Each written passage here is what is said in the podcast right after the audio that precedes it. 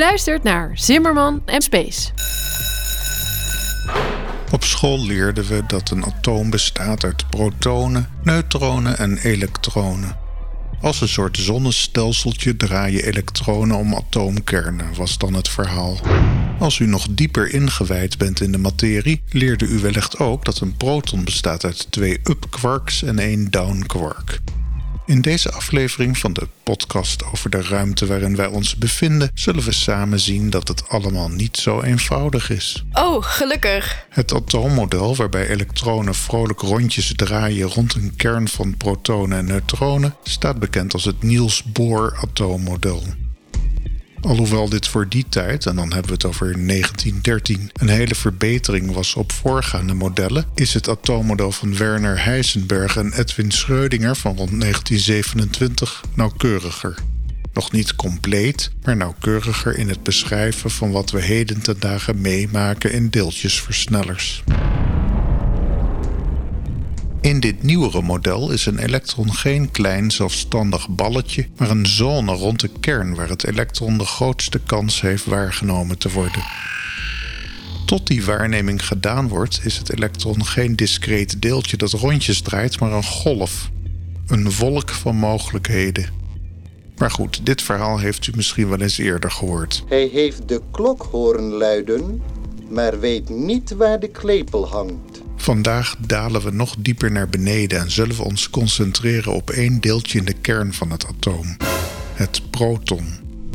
Het idee dat een proton een positief geladen balletje is waar we twee up-quarks en één down-quark in aantreffen, zullen we moeten loslaten, eenvoudigweg omdat de experimentele praktijk uitwijst dat dit geen volledig beeld is van wat een proton is. Oh, dat is niet best. Net als een elektron is een proton een kwantummechanisch object dat bestaat uit een zee van mogelijke vormen, totdat het door een waarneming gedwongen wordt tijdelijk een bepaalde concrete vorm aan te nemen.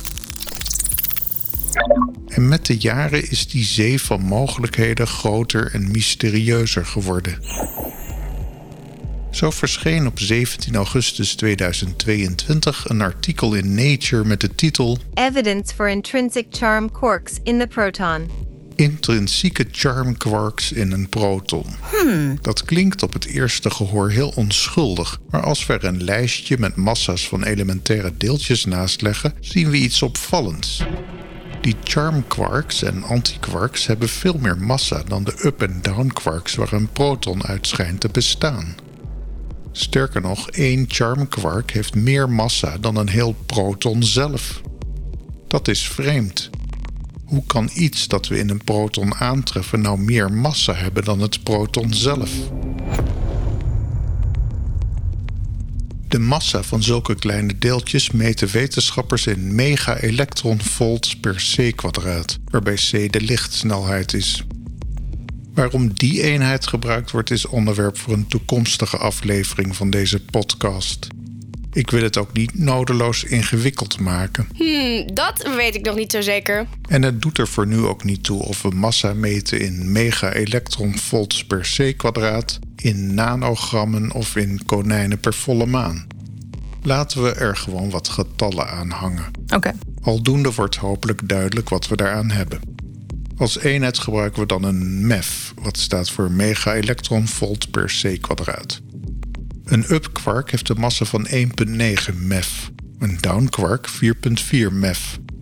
We zeiden al dat een proton twee up-quarks en één down-quark kent. Dat is samen 8,2 MeV.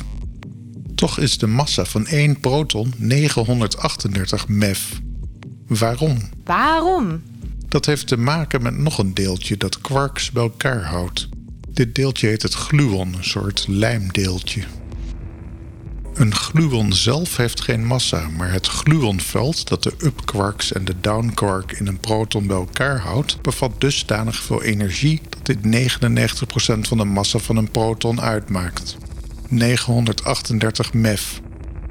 Zo'n gluonveld bestaat uit meerdere gluons. En nu is er dus experimenteel vastgesteld dat er een charm-anti-charm quark paar in een proton aangetroffen kan worden. En niet zomaar eens in een miljoen jaar gedurende een femtoseconde, maar meer permanent. Intrinsiek noemt men dat. Daarover zometeen meer. Maar wat we nu weten is dat we eigenlijk niet meer met goed fatsoen kunnen beweren dat een proton uitsluitend bestaat uit twee up-quarks en een down-quark. En het gewicht van zo'n charm-quark? Well, 1320 MeV, meer dan het proton zelf. Dat kan je je toch niet voorstellen? Ik kan me voorstellen dat u als luisteraar misschien vraagtekens bij dit soort onderzoek zet. Want is dit geneuzel over deeltjes en antideeltjes puur theoretisch? We kunnen hier toch niks van onder de microscoop zien? well, I don't see it. Dat laatste klopt op zich wel, maar er zijn wel methodes om informatie uit zo'n proton te forceren. Al in 1967 lukte het wetenschappers van de Stanford Linear Accelerator Center om elektronen met heel veel energie af te schieten op protonen in een deeltjesversneller.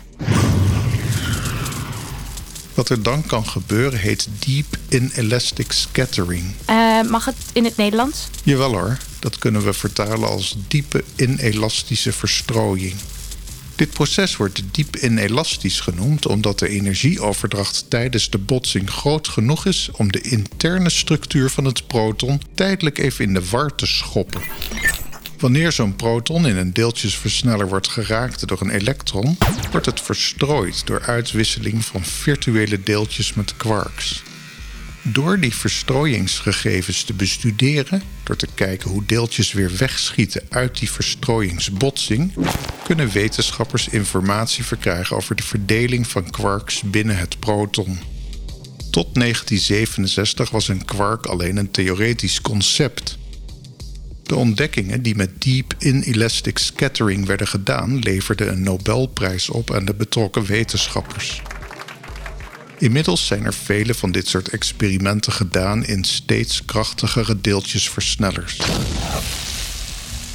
Er kan gevarieerd worden met de hoeveelheid energie van elektronen die op een proton worden afgevuurd.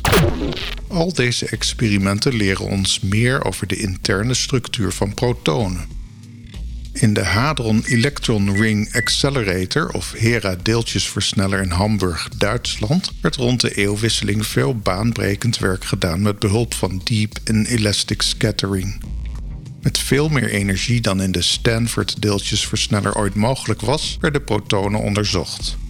In één enkel proton werd bij dat onderzoek een zee aan quarks en antiquarks aangetroffen. En dan komen we ook weer even terug bij die gluons, die lijmdeeltjes in een proton.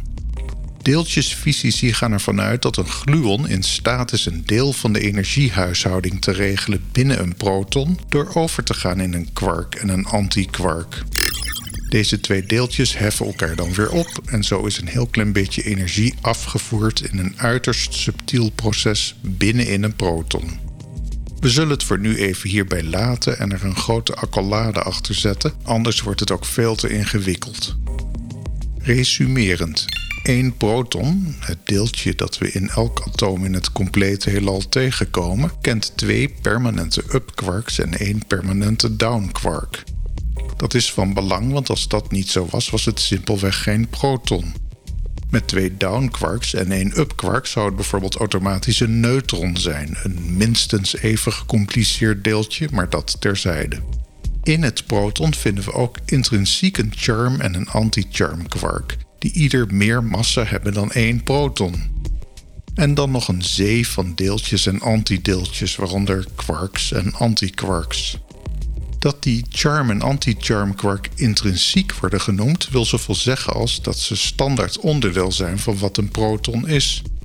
Wetenschappers zouden kunnen zeggen dat ze in bepaalde vorm aanwezig zijn in de golffunctie van een proton. Ik weet niet of het daar echt duidelijker van wordt. Dit is allemaal heel vreemd en toch kennelijk noodzakelijk. Want zo'n beetje alles bestaat uit protonen.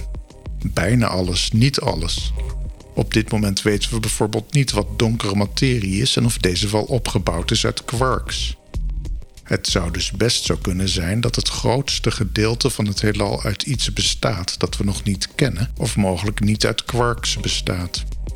Onze dagelijkse materie, die is helemaal opgebouwd uit atomen, met daarin atoomkernen met protonen. Dat weten we wel. Een gitaarsnaar? Protonen. Oude bananenschil? Protonen. Een afgeknipte nagel? Protonen. Maar dat is natuurlijk nog niet gelijk aan alles. Alles is namelijk wel heel erg veel. De droom die u had, die bestaat niet uit protonen. Uw hersenen, die wel bestaan uit atomen met erin protonen, maakten de droom mogelijk, maar dat is middelijk. Net zoals de klap die u met een hamer uitdeelt niet bestaat uit hamer. Hoe langer ik nadenk over deze materie, hoe verbazingwekkender ik het heden vind. We kunnen zeggen, wat was er voor de oerknal, of ons altijd maar over dat verre verleden buigen, waarin schijnbaar iets uit niets ontstond.